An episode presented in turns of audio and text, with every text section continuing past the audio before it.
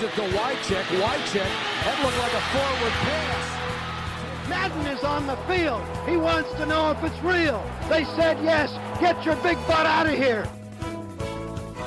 Hello? You play to win the game. Hej hej och välkomna till ännu ett avsnitt av veckans NFL med Mattias Olsson och Lasse Thorman när vi går in i Championship-rundan av slutspelet. Semifinalerna skulle man väl också kunna kalla det, Lasse kanske? Som jag beskrev för en, en kompis när vi kollade förra helgen här. Det, eh, det här är som kvartsfinalerna i fotbolls-VM. Jag vet inte varför jag skulle eh, styra in det och säga att det, det är som, som en kvartsfinal oavsett vad det är. Och det här är som en semifinal oavsett om det är bandy, hockey eller fotboll. Men eh, jag kör fast vid det temat. Det är som semifinal i fotbolls-VM nu. Ja, men det, det är väl eh, lite så också. Det kallas ju för finaler såklart eftersom det är conference-finaler. Men det blir rätt förvirrande ja. om man ska förklara det för någon som inte har så koll, mycket koll. Eh, det är ju inte så mycket, jag vet inte hur mycket cred man får för att ha vunnit, eh, vunnit sin respektive conference om man ändå torskar i, i Super Bowl sen. Det är ju inte jättecredit direkt. Nej, och det är ingen bronsmatch här heller. Det är värt att stryka under. Nej, det är jäkligt sant.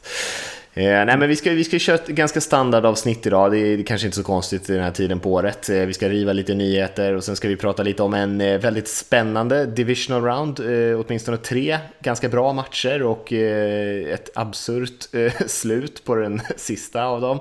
Och sen ska vi såklart kolla på eh, eh, conference-matcherna. Se lite grann vad, vad kan det vara för olika nycklar för att eh, det eller det andra laget ska lyckas ta hem den där matchen. Eh, och vi kan väl börja med lite coachnyheter Lasse, för sånt är ju snurrar ju väldigt mycket nu, många lag som letar efter sina nya tränare och eh, det är en del, mycket rykten, många som åker på intervjuer runt om i olika delar av USA och eh, det som vi har mer eller mindre kan konstatera är väl att Josh McDaniels åtminstone kommer ta över som head coach i Indianapolis Colts. Det har redan eh, börjat ringas runt där och eh, ja, hitta assisterande coacher och sånt där och det är väl eh, den sämst bevarade hemligheten i NFL just nu att han kommer få det jobbet även fast man inte officiellt kan gå ut med det riktigt än. Mm. Nej, men det var väl också svårkommenterat. Det, det känns väl som att det var bara var han skulle landa snarare än om. Så, och, ja, spontant känns det spännande. Det behövs lite spännande i organisationen Colts. Eh, kanske inte mest spännande någonsin, men i alla fall mer spännande än vad det har varit innan där. Så det är lite kul.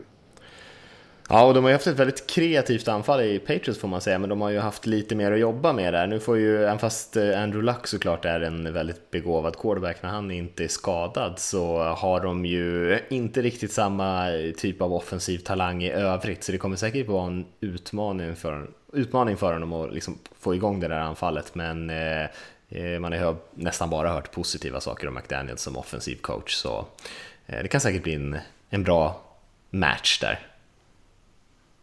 Ja, men det tror jag. Eh, vi har också Pat Shermer som är en, den andra kanske det hypade OC'n. Båda de här är kvar i slutspelet. Shermer just nu rattar ju Vikings anfall som man ändå får säga överpresterat rätt rejält i år. Och eh, nu, möter, eller nu ska han ta över New York Giants sägs det.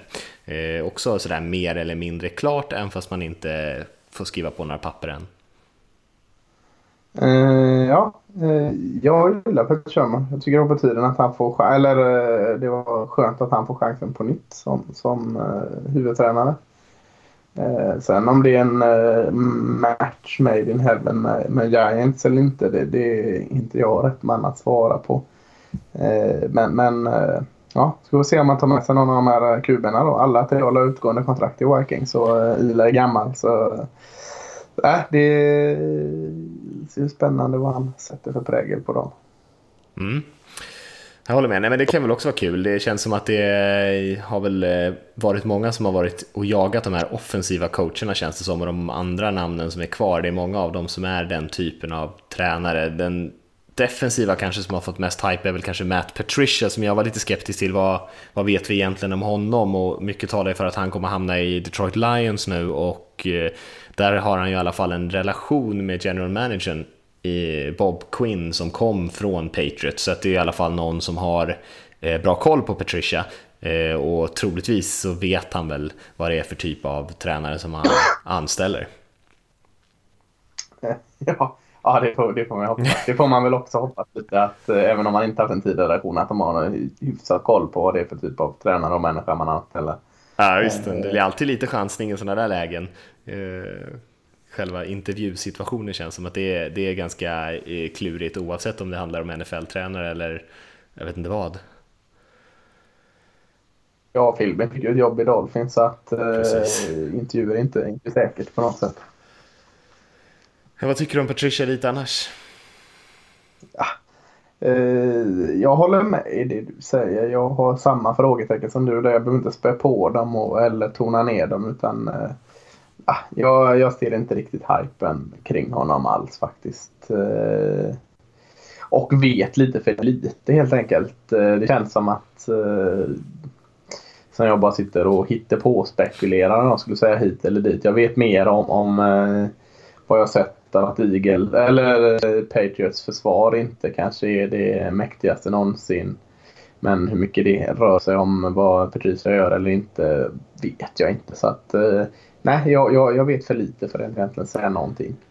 Ja, nej, det är klurigt med sådana här coacher som kommer också som har jobbat under någon som är eh, lite halvt briljant som Belichick är. Då vet man ju inte riktigt hur, eh, hur mycket de själva har basat över och hur mycket det är man bara mer eller mindre följer order. Vi har lite mer info, infonivå här kanske också, att eh, Steelers har släppt sin offensiva koordinator Todd Haley eh, som är en ganska kontroversiell figur i allmänhet och eh, har befordrat, befordrat QB-coachen där, Randy Fichter, att ta över och sen så har man lyckats behålla Mike Munchak, vilket är en, en seger för Pittsburgh får man säga, en av de bästa offensiva linjecoacherna i, i NFL. Och samma sak i Seahawks, där så har man ju kickat både sin offensiva och defensiva koordinator efter den här säsongen och nu tagit in Brian Schottenheimer eh, som har varit lite överallt runt om i NFL, Jets, Rams tror jag bland annat och eh, sen även Ken Norton Jr kommer tillbaka, gamla linebacker-coachen som gick till Raiders var inte en lyckad defensiv koordinator nu, nu kommer han tillbaka till, till Seahawks och, och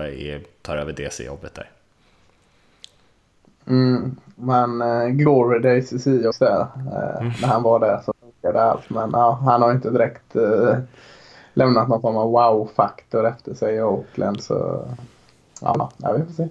Ja, vi får verkligen se. Eh, men med det sagt, vi kanske ska hoppa in och kolla lite grann på Divisional Round-matcherna där. Eh, och säga något om kanske varje match där. Eh, Falcons Eagles kan vi börja med till exempel. Jag tyckte att det var Eh, Eh, en intressant match, Falcons kom ju aldrig riktigt igång, Phil liksom dominerade lite grann på både offensiva och defensiva linjerna kändes det som. Eh, och man spelade liksom smart, gjorde inga misstag eh, och tog hem den matchen helt enkelt på för att man var lite generellt bättre skulle jag säga. Jag vet inte vad du tyckte om den matchen? Jo, men jag håller med. Jag tyckte det kändes som eh, egentligen hela matchen aldrig eh, inte riktigt kom igång. Du säger att Falcons inte riktigt kom igång jag vet inte heller eh, om Eagles heller riktigt kom igång och, och matchen heller.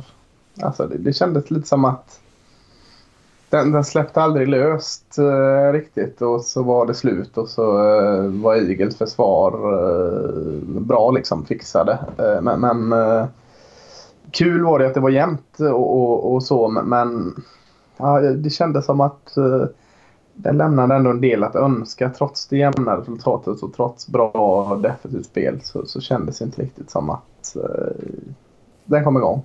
Nej, eh, men man får ändå säga att det var det kanske bättre laget som gick vidare, särskilt sett över hela säsongen. Eh, Eagles vann ju den med 10-15 i slutändan. Eh, även fast många trodde att Falcons kanske mm, kunde, kom, kunde komma igång den här matchen, men det gjorde de ju aldrig riktigt. Nej, Nej, den andra eh, lördagsmatchen sen, det var ju Titans Patriots som kanske på förhand kändes som den mest ojämna av de fyra matcherna och det blev ju också så. Patriots vann med 35-14 i slutet. Jag tyckte att Titans inledde den matchen ganska bra men hade lite oflyt. Eh, delvis för att man sköt sig själva lite grann i foten och sen hade man några ganska tuffa domslut som tycker jag gick emot Titans. De hade nog förlorat den här matchen ändå. Eh, Patriots hade ju inga som helst problem att flytta bollen mot det här Tennessee-försvaret men det nog spädde på att det väldigt snabbt blev ett stort glapp och Titans-spelarna började se ganska uppgivna ut tidigt tyckte jag. Mm, jag var väldigt groggy när jag såg den matchen kan jag säga. Jag satt glodde den och eh, har väl ingen knivskarp analys som jag nu har det i vanliga fall. Men, men eh, jag tycker lite som du säger där och, och eh, domarbeslut och sånt det har ju en tendens att eh, jämna ut sig. Men det kom lite i fel lägen för Titans och framförallt där när det bör, allting började rinna iväg i slutet av eh, första halvlek. Eh, uh, hämtar de sig aldrig från det.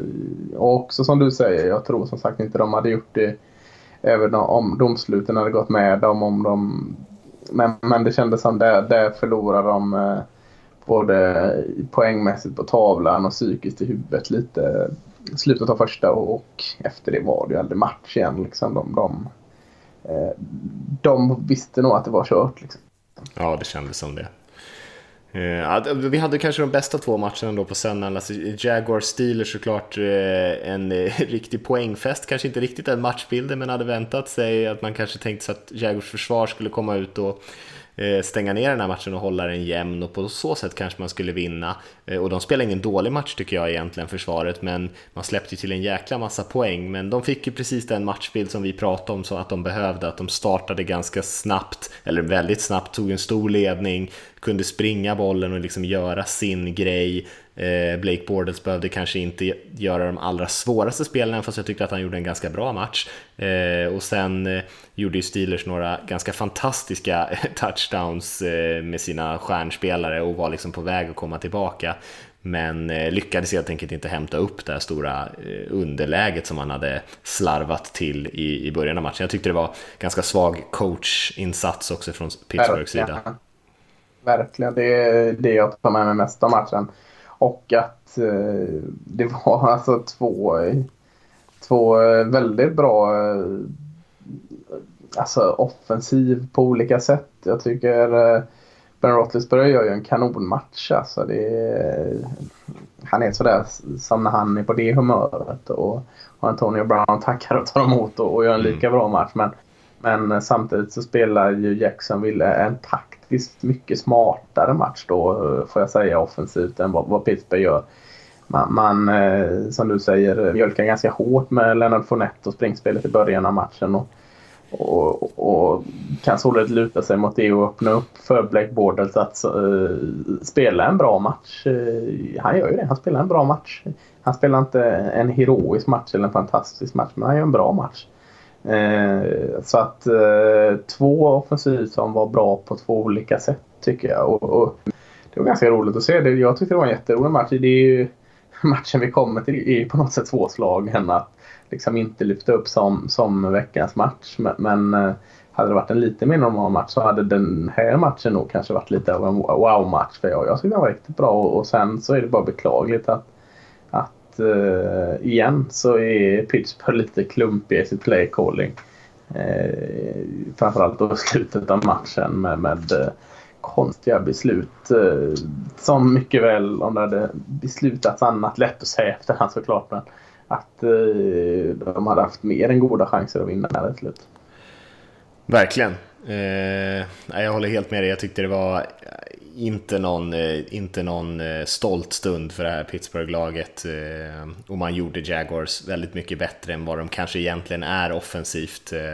Den här pass rushen, Steelers hade ju mest sacks i NFL, jag vet inte riktigt hur det gick till, men på något sätt så hade de mest sacks i NFL under grundsäsongen och den här pass rushen var ju som bortblåst på den här matchen och ska ge lite cred till Jags O-line där som inte har varit sådär dominant i år men kanske gör sin bästa match på hela säsongen i, i den här fighten och ja, såklart en stor stund för dem att, att komma upp och, spela så pass bra ändå eh, på bortaplan mot ett tufft motstånd.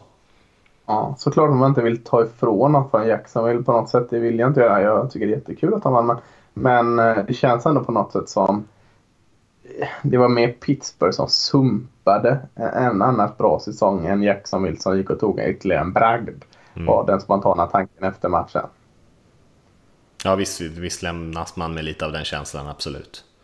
Hör om vi ska hoppa till sista matchen där så, eh, som kanske inte startade så jäkla eh, spännande, Saints-Vikings. Eh, däremot får man ju säga att den, den, avslutades på ett helt annat sätt. Samma sak där Vikings mm. eh, tog en ganska stadig ledning och eh, höll ju den tills, tills Drew Brees började gå helt crazy där i andra halvlek och satta i stort sett varenda kast och man kom ifatt och sen tog ledningen och sen så var det det här absurda slutet med bara ja, 10-12 sekunder kvar eller något sånt där när man kastar upp egentligen en, eh, en bön, eller vad brukar man säga, en, eh, liksom en, en boll Ja, precis, nästan en Hail Mary typ av passning ja. till, till Diggs eh, och safety, rookie safety Marcus Williams där eh, missar tacklingen totalt och, och eh, Diggs kan springa in den bollen för en touchdown och man vinner medan klockan tickar ner för hemmafansen och såklart Eh, om man är Vikings-fan så var det kanske den största stunden i, i Minnesota Vikings fotbollshistoria på, ja, jag vet inte hur många år Lasse, men eh, inte, ja, inte mycket som slår det. Nej. Eh, jag tycker också att man kan, man kan nästan dra tillbaka till när eh, Drew Brees och jag kommer inte ihåg, var det Thomas som fångade den touchdownen precis innan mm. sista. Att redan det var ju, var ju en sån eh, nästan till sista minuten upphämtning och eh, en mirakulös upphämtning. Och så efter det så hinner alltså Vikings att hämta upp det en gång till och vända. Så det var egentligen två sådana element i slutet som gjorde den ju helt... Eh, ja, jag såg den lite så med ett öga på tv och ett öga på annat. Men, men, men Eh, man blir helt låst. Jag, om jag stod nu och jag hackade en lök eller vad jag gjorde så låg den där löken kvar där nere i kolamen sen är ohackad för att jag blir helt så här paralyserad på eh, alltså från, från eh, egentligen eh, eh, mitten av tredje kvarten till slutet så var det en kanonmatch verkligen. Och, eh, det var skoj. Den här, den här tacklingen eh, är också alltså, intressant. Eller eh, avsaknaden av tacklingen kan man säga med, med Maruki Williams. Det spekulerats en hel del i där att han, han försökte eh, hålla honom eh, på plan och tackla honom så att klockan skulle rinna ut. Nu hade väl Vikings USA en timeout kvar där. Men, men, Nej, det hade de inte. De hade inte det, för då, då, är det ju hur mäktigt som helst på något sätt i, i såklart förtvivlan att han missade tacklingen så är det ju en sjuk mogen och eh, mäktigt eh, beslut att ta på en bråkdel av sekund. Att jag ska inte bara tackla jag ska se till så att han har, inte har en chans att, och eh, komma out of bounds och, och att klockan rinner ut. Eh, nu vet jag inte om han har sagt att han tänkte så men, men skulle det vara så så är det ju fan eh, magiskt att han tänkte så. Och, eh, skitsamma om han missar den. Eh, det är klart det inte är skitsamma men eh, Alltså det, det, tar jag med mig nästan mer än en missad tackling. Att en, en första årsspelare får in den tanken, om man nu fick det, att liksom sätta han och så sätta han så att de inte ens hinner sparka det där filgolet som, eh, som var ett ganska bekvämt avstånd. Ja, nej men det, första reaktionen var ju såklart alltså, hur kan han göra det där? Hur kan han missa den mm. tacklingen? Mm. Men jag tänker så här, ju mer man funderar på det, så jag menar om han bara tacklar ner ut honom från sidlinjen där, då, då vinner ju troligtvis, ska man säga, det är ju, ingenting är ju säkert, men då nej. vinner ju troligtvis Vikings den matchen ändå. Eh, så Frågan är om han då tänker som du säger att han ska försöka tackla honom lite sådär på eh, utifrån in. Och för han missar ju på utsidan. Eh, och liksom få ner honom, för då vinner de ju matchen. Och det hade ju varit som du är inne på ett helt fantastiskt spel om han hade lyckats med det. Men han missar ju totalt och det blir memes och roliga, folk gör roliga mm. videos när han liksom klipper in honom på ett dansgolv när han står och shakar fram och tillbaka. Och det är ju liksom, eh, det är mycket, mycket för den stackars unga killen att ta såklart. Men det känns som att han ändå fått ganska bra stöd av fansen i, från Saints i alla fall och han har ju haft ett fantastiskt första år. Eh, så att jag menar han, han kommer säkert överleva det där men det, det är klart att det såg inte jättebra ut eh, när han missade den eh, såklart. Nej. Men vi, vi kanske ska släppa de matcherna. Alltså, det är fantastiskt slut såklart. Jag tror alla har väl säkert sett den här kameravinkeln som vi la upp den på Instagram och sådär bland annat från NFL-supporterkontot. Där man liksom ser det från en kamera filmad nere vid målområdet eh, och eh, ja, man bara får se det i liksom en helt annan vinkel och, och liksom alla känslorna på spelarna och fansen på läktarna och det är ju eh, eufori där inne liksom. Det är ju eh, ja, ganska häftigt ändå. Absolut. Absolut. Eh, ja, men vi ska hoppa upp in till conference-matcherna. Eh, så är det ju såklart Jaguar Jaguars som spelar borta mot Patriots i AFC och Vikings som spelar borta mot Eagles i NFC. Och den första matchen är ju AFC-matchen som spelas klockan 9, Jaguars hos Patriots. Eh, vad är din spontana tanke där Lasse? Eh, ja, att eh, New England vinner eh, i stort sett lika enkelt som mot Nash eller Tennessee eh, är min spontana tanke, men med lite återreflektering så, så eh, är det väl inte så såklart. Eh, kan Jacksonville eh, skrällvinna borta mot Pittsburgh så kan de väl eh, göra det till match borta mot New England också. Men spontana tanken är ändå att New England vinner detta hyfsat komfortabelt. Ja, det är ju, känslan är ju att de går in här som ganska stora favoriter, men man hoppas ju ändå på, det känns ju som att, eh, och det är ju inget ont mot Patriots egentligen, men de har ju varit bra så länge, de har vunnit så mycket, så det är väl liksom inte, det är väl ingen som egentligen unnar dem en, en extra Super Bowl-ring här, om man inte håller på New England. Jag såg någon hade lagt upp... Nej, alltså, nej, nej, det är inget konstigt. Om man inte har spelare i, i, i uh, racet. Nej, precis. Jag, jag såg någon bild någon hade lagt upp att uh, ja, alla håller ju liksom på de andra tre lagen i det här slutspelet förutom Patriots eh, och det är nog bara Patriots-fansen själva som, som håller på New England här så man vill ju kanske gärna se att den här underdoggen ska komma in här och skrälla lite grann mot de storfavoriterna som vi ändå har eh, fått se den här situationen många gånger förr och det är liksom ingen ny historia på något sätt. Eh, men eh, ja, de har ju vunnit de 10 av de 11 senaste matcherna mot Jaguars, eh, även fast de inte har mött sådär supermycket. Eh, och ja, New Englands behöver vi inte ens tjata om deras framgångar. Eh, nionde året i rad, de vinner sin division, Belichicks tolfte Championship-match. Eh, absurda siffror såklart. Helt sjukt är det fanska. ja, det är helt, det är helt sjukt. Alltså, I en sån liga där man liksom, i en sån här liga där man liksom jämnar ut så mycket som möjligt så är det ju, eh, ja, Ingen har någonsin ja. varit i närheten av den typen av Nej, och, och, vi sitter ju mitt, det här är ju nuet. Det är ju såklart eh, bland de mäktigaste historierna i amerikansk fotboll kommer ju detta vara. Den här storhetsperioden med New England Patriots och Belichick och Tom Brady. Eh, men eftersom man sitter i det som vi gör och alla gör nu så glömmer man bort lite att tänka på hur jäkla sjukt eh, bra de här jäkla New England Patriots är. Alltså jag, jag satt och bara läste det och var tvungen att stanna upp. Liksom, Alltså, fasen, det här är, det är bisarrt hur de kan vara så jäkla bra år ut och år in. Ja det är det ju och jag tror att eh, när man håller på andra lag eh, och kanske vi som följer ligan ganska noga har liksom hört de flesta historierna kring det här laget, kanske liksom lite sugna på något nytt, så kanske man inte alltid uppskattar det när man är mitt i. Jag tror att när vi sen kommer titta tillbaka på den här perioden eh, när Patriots, den här i alla fall storhetstiden, får vi se om de lyckas fortsätta hålla sig på peaknivå, men då tror jag man kanske kommer uppskatta det lite mer eh, än vad man gör just nu när man är i nuet. Att man liksom fick vara med och uppleva den här typen av eh, dominans är ju mm. kanske coolt lite senare, inte lika roligt mm. just nu kan man säga, mm. om man ska vara ärlig. Uh, hörru du, båda de här lagen har, uh, tänkte att jag skulle ge dig en liten utmaning här Lasse. Båda de här lagen har, uh, har fyra pro bowlers var. Uh, kan du nämna de pro bowlers de har i de här olika lagen tror du? Uh, Calais Campbell i Jacksonville har vi en va? Mm. Uh, du har säkerligen... Uh, du, du, du, Fastnar jag på en. Jag går till, jag går till Patriots. Tom Brady har du ju där. Ja. Gronkowski har du där. Ja, de andra två är svåra. Eh, alltså de andra två är svåra. Ja, de är svåra. De har ingen offensiv linje. Man. Nej, det har de inte. Mm. Skulle de kanske kunna ha i och för sig. Men... Nej, de har ju... Har de någon ytterligare Nej, de har, ja, de har en fullback där, James Devlin, och eh, sedan deras Pro Bowl-specialist där, Matthew Slater, som har tagits in. Um, några, har du några fler Jag-spelare? Det är försvarare, kan jag eh, tipsa dig om. ja, jo, jo. Blev Jalen Ramsey uttagen här redan, eller? Ja, det blev han.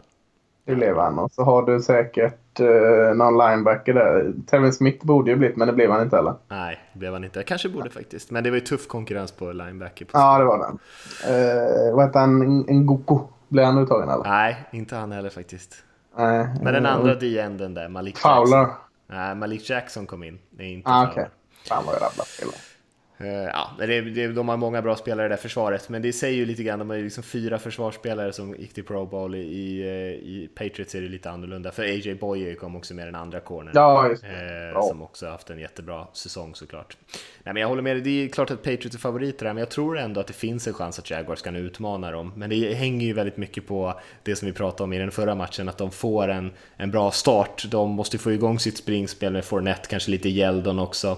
Eh, och kanske till och med att Bortles springer lite grann. För skillnaden på när Bortles får spela liksom i play action jämfört med när han ska ställa upp och eh, liksom läsa försvar och vinna från fickan är ju enorm. Det, han är ju liksom inte bra på det.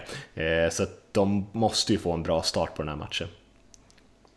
Ja, eh, jag tror jag, det är ganska lätt att lyfta ändå på, på eh, alltså, fördelar i Jacksonville så i, i små eh, portioner. Alltså, Jacksonvilles eh, defensiva linje med hjälp av linebackers kommer ju borde ju ha en fördel mot eh, Patriots eh, offensiva linje.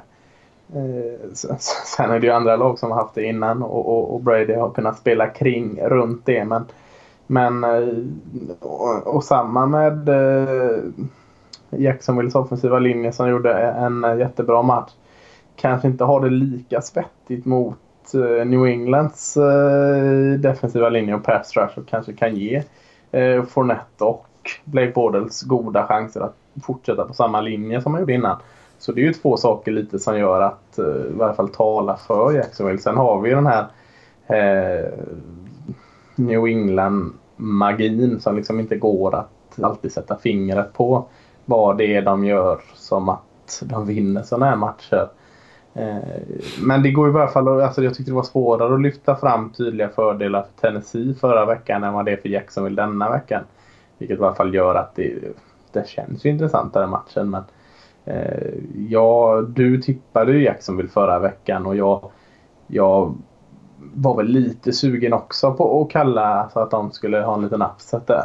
Här är jag inte sugen, eller det är klart jag vill det, men här har jag inte den känslan att jo men de kan nog baske med vinna detta Jacksonville. Den har jag inte den känslan. Jag säger inte att det är omöjligt, men, men känslan är inte så. Känslan är att New England löser detta liksom. Ja, alltså man kan ju... Det som vi sa om, för, om Steelers där, att, att Patriots skulle komma in här lite halvdåligt förberedda, inleda matchen lite slarvigt och vara dåligt coachade, eh, känns ju ganska långsökt. Eh, det, det lär inte hända.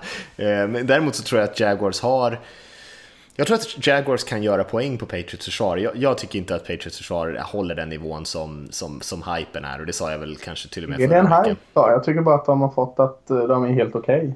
Ja, nej, det kanske vi har sett lite olika bilder av Ah, det. okej. Men de, de är nog helt okej, det kan jag köpa. Men jag tror att just eh, av den anledningen att de bara är helt okej och Jaguars anfall ändå kan ha bra dagar så kan de nog göra lite poäng här om de får spela sitt typ av spel, springa bollen ordentligt. Då tror jag att Jaguars försvar ändå har potential att, att stänga ner New England lite grann. Det handlar ju väldigt mycket om att stoppa Gronkowski framför allt, som är liksom deras överlägset bästa offensiva spelare. Och varje gång de har haft det lite tufft, Patriots, eh, mot ett kanske lite bra försvar, man har haft det lite struligt att få igång anfallet, så är det nästan alltid Gronk som kickar igång dem. Han kommer med någon eh, 25-30 yards mottagning där uppe i, på en seam route eller någonting. Eh, och det skulle vara jättekul att se om, de, om Jaguars kanske sätter Ramsey på honom till och med eh, och verkligen försöker fokusera på att få bort honom i matchen. För då är resten av Patriots offensiva spelare, det är liksom spännande små fyrverkeripjäser och vi kan prata om Dion Lewis och eh, Amendola och alla de här spelarna som Hogan kanske till och med. Men det är inte dominanta offensiva spelare, det går att stoppa de spelarna. En spelare som Gronk känns som att han, det är inte många som kan hantera honom. Eh, jag tror att man måste verkligen fokusera på att ta bort honom, för då, då börjar de bli lite lätt sårbara. Eh, Så det finns ett sätt, man kan ändå se på vilken typ av match som Jaguars skulle kunna utmana och jag kommer hålla på dem här och, eh, och, och, och eh, verkligen hänga med och, och eh, försöka se det positiva i att de kan ta den här matchen och inte känna att den är uppgiven från första början. Men det är ju klart att det är en jäkla skillnad i, i eh, erfarenhet och, och liksom har varit i den här situationen tidigare. Hur kaxig en Jacksonville är. Ja, jag håller med. Ser du någon situation där Jaguars kan ta den här matchen? Eh, om de går upp i en tidig betryggande ledning. Eh, lite som de gjorde mot, mot eh, Pittsburgh. Mm. Så ser jag nog att de kan eh, hålla det. Eh, men hur de ska göra det på samma sätt. Eh, Patriots kommer ju eh, hålla det, om de nu ens håller det jämt. Alltså de kommer aldrig, det är så sällan att de hamnar i de tunga underlägena. Så att, men, man kan de köra på samma recept, springa effektivt med bollen och eh, på så sätt liksom sätta poäng hela tiden på sina offensiva drives så ser jag en chans. Så länge de är med i matchen så finns det chansen. Mm. Mm. Ja, vi får se. Jag hoppas att det blir en spännande match i alla fall, att inte Patriots drar ifrån tidigt och så kastar Blake Borders fyra interceptions och sen är det liksom utklassning. Eh, utan att vi får lite mer underhållning än så i alla fall. Nattmatchen där blir ju lite svettig sen på, på måndag morgonen kan jag tänka mig. Alltså, den kickar igång 02.40 om jag inte har läst fel. Eh. Ja, det är synd lite att det inte är den andra ordningen. Det här är ju verkligen en, en uh, oviss historia. Mm.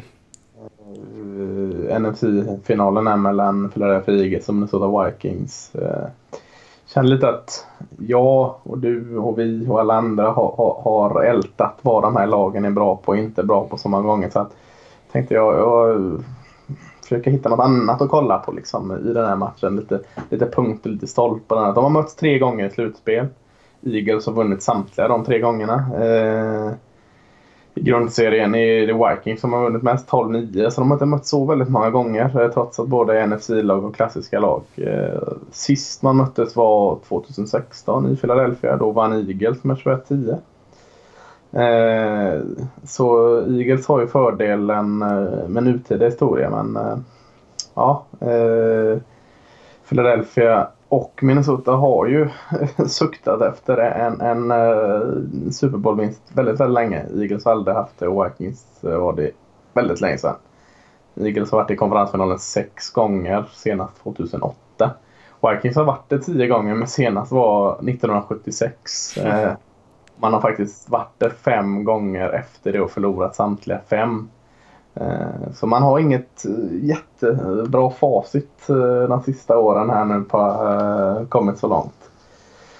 Och, och, och, det är ganska kul. Vikings har alltså en vinst ifrån sin första Super Bowl på 41 år. Och, och det är lite kul vart den då skulle spelas. Jo, i Super Bowl i, i Minneapolis.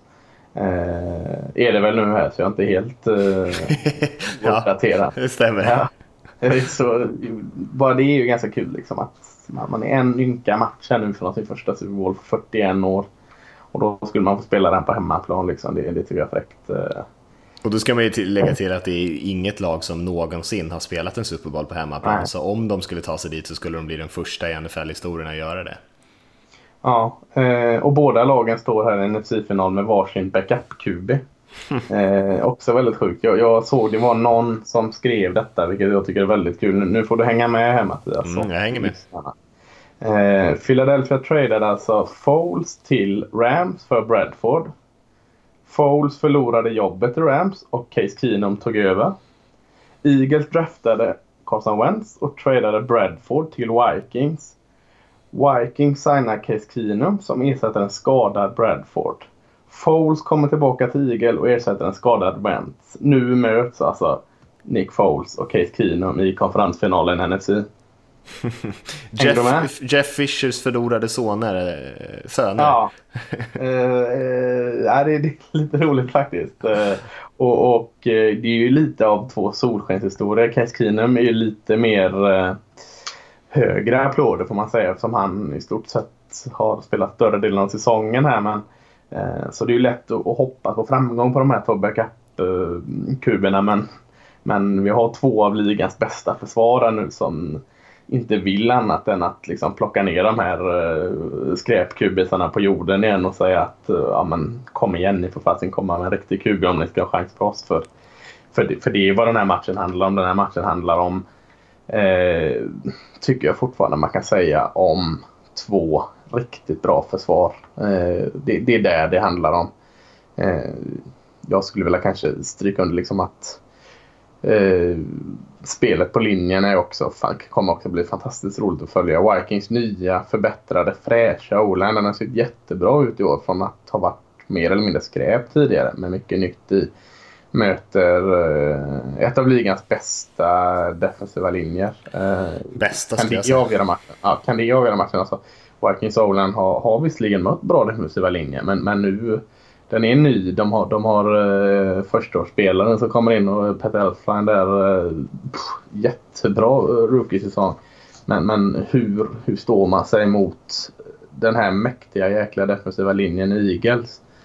Uh, sådana aspekter tycker jag är, är sjukt roligt att se. Alltså det, det, det är försvarsspel här men, men, men ja, jag, jag vet inte. Det är, de, de har tagit sig hit där de är både på olika sätt och samma sätt om man säger så. Alltså det, och vilket gör att den också är, är helt öppen. Jag, jag kan inte riktigt säga att ja, men, eh, jag lutar åt att Vikings vinner och Eagles vinner. Jag har inte en susning faktiskt.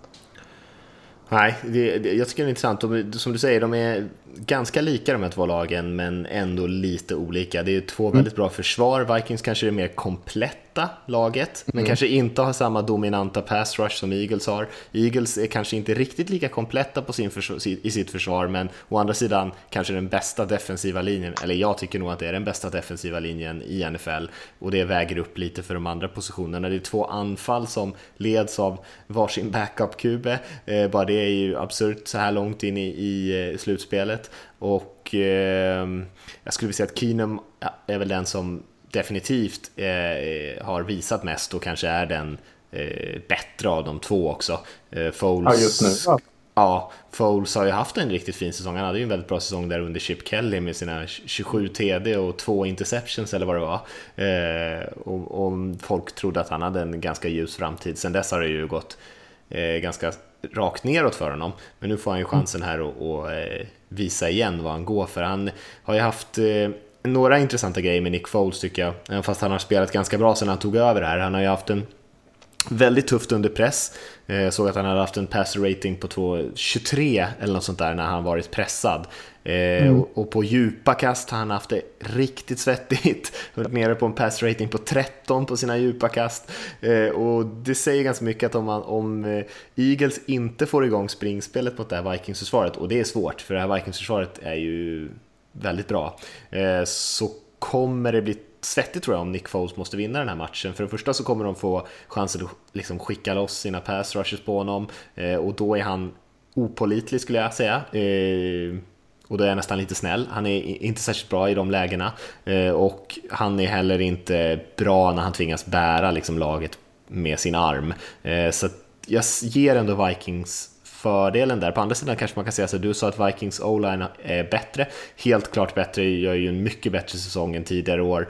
Eh, fortfarande har de lite skadeproblem, de hade ganska stora problem mot, mot uh, Saints pass rush. Eh, Cameron Jordan där som hade en väldigt bra dag, han har ju ofta en bra dag mot de flesta ja. i och för sig. Eh, men Vikings linje har ändå eh, haft lite skadeproblem på slutet och kanske spelat lite sämre än vad man gjorde i mitten på säsongen.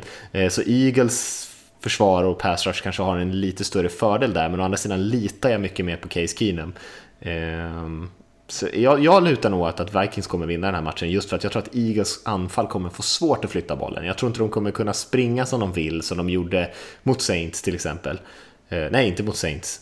Eh, vilka möter Eagles nu? Fick jag... Just det, just det eh, mot Falcons och eh, kunde dominera liksom matchen på det sättet och kontrollera klockan. Och jag tror inte de kommer kunna göra det här och då, då kommer de sakna Carson Wentz mer än vad de gjort i de tidigare matcherna. Mm, ja, jag, jag håller med din analys. Jag, ska jag sitta här och, och, och uh, lägga min mynthög på, på, uh, på någon färg så blir det att jag lägger den på lila. Liksom. Men, mm. men inte så mycket mer än så. Eh, eftersom du satte mig på pottkanten då med att nämna massa Pro Bowl-spelare här så mm. är det två bröder som möts i matchen. Kan, kan du då? De möts alltså? De spelar i olika ja. lag då? Ja, i denna matchen. Eh... Det är inte två long snappers eller något utan det är två eh, startspelare. Liksom. Okej. Okay. Två tänk... försvarare så de möts ju inte så men eh, de ställs mot, mot varandra. Nu tänker jag för fullt här. Ja. Eh, Kendricks-bröderna, kan det vara det? Yes! Ja. Eric och Michael Kendricks. Just det. Med. Bra spelare någon... båda två. Ja, absolut. Familjen. Jag hoppas att familjen Kendricks har en sån här ohyggligt ful, jag avskyr dem, House Divided-matta hemma nu i, i hallentrén. Eh, det är de två loggorna på. Det, det skulle jag vilja ha en Twitterbild från familjen Kendricks att de lägger ut.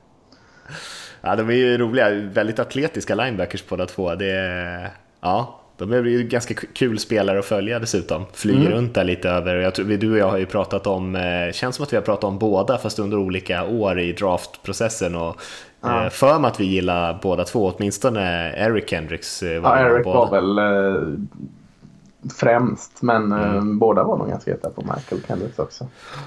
Eh, kul spelare. Eh, det enda mm. jag också kunde säga där, att jag lutar lite mer åt Vikings också, är kanske att de har varit väldigt bra i år också på att eh, stänga ner tight ends och sånt där eh, i, med sitt försvar för att man har två ganska duktiga safeties och dessutom atletiska linebackers som du var inne på, inte minst Mary Kendricks som ofta får det uppdraget och eh, den bästa spelaren i, i Phillies anfall är väl egentligen Zach Ertz, deras tight end ja. som jag tycker mycket liksom är byggt kring honom och hur man kan utnyttja de mismatcher som han får mot försvaret och försvinner han då är det inte jättemycket kvar i det där anfallet alltså. Då, då är det nästan så att man får luta sig på Nelson Aguilar eller någonting. Eh, Alshon Jeffrey för sig, eh, men inte spelare som har varit sådär uh, pålitliga direkt. Du säger att Jacksonville och Minnesota ska gå in med samma gameplan här. Ta bort terrenden, neutralisera terrenden och så är, är saken biff. Ja, egentligen. Patriots ja. kanske måste göra lite mer, eh, nej inte Patriots, eh, Eh, Jacksonville kanske måste göra något lite mer radikalt sådär, kanske sätta in Ramsey och ta, ta ja. Gronken här. Vikings är bara liksom eh, naturligt ganska bra att ta den positionen för man har bra spelare som vanligtvis gör det. Men eh, ja, absolut. Det, jag tror att det blir en nyckel att stänga ner de spelarna. Intressant. Lägger vi fokus på Tarent denna helg? Mm. Vad är det? Är Mercedes fortfarande Tarent nummer ett i Jacksonville? det stämmer nog faktiskt. Ja, lyfter vi honom och så har vi uh, Rudolph i, i Vikings. Just så får vi se. Han är inte heller så dålig. Nej, Nej uh, och inte heller så bra. Jag har alltid, jag tyck, alltid tyckt att han trott att han var bättre än vad han är. Ja, men det är väl samma sak med Lewis där. Uh, ja och Mercedes Lewis, han har väl också alltid haft så lite hype omkring sig att vara en superatletisk tight end, men sen så kollar man sig, vad fan, har han verkligen fångat några passningar? Och det är inte så ofta han gör det. Nej. Nej. Nej, nej det... Så, så vi, vi lutar lite grann båda två åt kanske Patriots Vikings hållet här ändå. Eh, även fast vi kanske håller lite tummarna för Jaguars så att de ska kunna skrälla. Kul också att det blir två lag som inte har ett djur eh, i, i sina namn i Super Bowl. Jag är oerhört trött på alla de här örnarna, falkarna, jaguarerna och delfinerna. Eh, nu, har vi två, vi har god chans på att två lag utan djur i namnet tar Super Bowl. Det känns på något sätt vuxet. Ja, det är väldigt mycket fåglar framförallt runt om i ja. alla fall. Det, det är knappt så att det finns så där många fåglar. Jag vet inte. Nej. Nej, nu får jag väl någon fågelskådare på mig här. Det kanske finns mer än fyra fågelarter. Men, eh, men det är inte min starka sida kan jag väl säga. Eh, nej, är det något avslutningsord du vill säga om de här matcherna? Eh, innan vi rundar av, för det ska vi nästan göra tycker jag. Eh, nej, det är det väl inte. Det känns som att vi får ett, minst ett riktigt roligt lag. Alltså ett nytt, ett annorlunda lag i den här Super Bowl-rotationen i år, vilket är jättekul. Eh, med en chans på eh, två eller nya. Eh, så det är kul. Det tycker jag är bra. Vi kommer få antingen eh, Vikings eller Eagles i Super Bowl, vilket känns roligt. Ja, och eh, det känns också som att det har varit ett ganska... Det har ju bråkat kanske med folks huvuden lite grann, att man inte riktigt vet om man ska tycka att det är bra eller dåligt eller vad det nu är. Men det har ju varit ett ganska speciellt slutspel, en ganska speciell säsong. Många lag som är uppstickare. Tre av de här fyra lagen var inte ens i slutspel förra året. Vi ser tre stycken egentligen eh, under medel quarterbacks bland de här fyra lagen. Det är ju Patriots som sticker ut som eh, det svarta fåret i den här gruppen. Eh, så det är ju en väldigt intressant grupplag överhuvudtaget. Det är ju väldigt ovanligt att vi ser både, alltså, lag som inte kom till slutspel, jag tror till och med två åtminstone av de här lagen kom sist i sin division förra säsongen. Eh, så eh, ja, ett litet annorlunda år nästan från att det började till, till nu känns det som. Mm, och jag tycker det har lutat åt rätt håll. Jag tycker det är, det är riktigt högt och trevligt just nu. Och, och du sa innan att uh, vi har två backup-QBs uh, i kvar i slutspelet. Jag skulle säga att vi har tre backup-QBs kvar i slutspelet. Det bara råkar vara så att en är startar.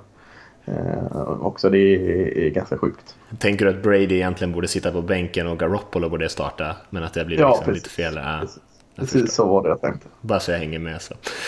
nej, men, nej men vad bra, men då ska vi inte dra ut på det här i onödan Lasse. Vi, vi rundar av och så får vi önska alla en, en bra helg och inte för trötta på måndag morgonen där och får hoppas att det blir lite spänning framförallt i den här tidiga matchen och att det inte Eh, Eh, det avgörs allt för tidigt så att det blir väldigt svårt att hålla sig vaken. Eh, och sen får vi se om vi kommer tillbaka med någon podd nästa vecka. Det är ju en veckas uppehåll med matcher egentligen. Det är ju Pro Bowl-vecka. Eh, vi brukar i och för sig göra en gedigen analys av Pro Bowl-matchen inför, men vi får se om vi gör det i år. Och, men annars hörs vi åtminstone innan det är dags för Super Bowl. Men med det sagt så, så rundar vi nog av, så, så får ni ha det bra där ute allihopa.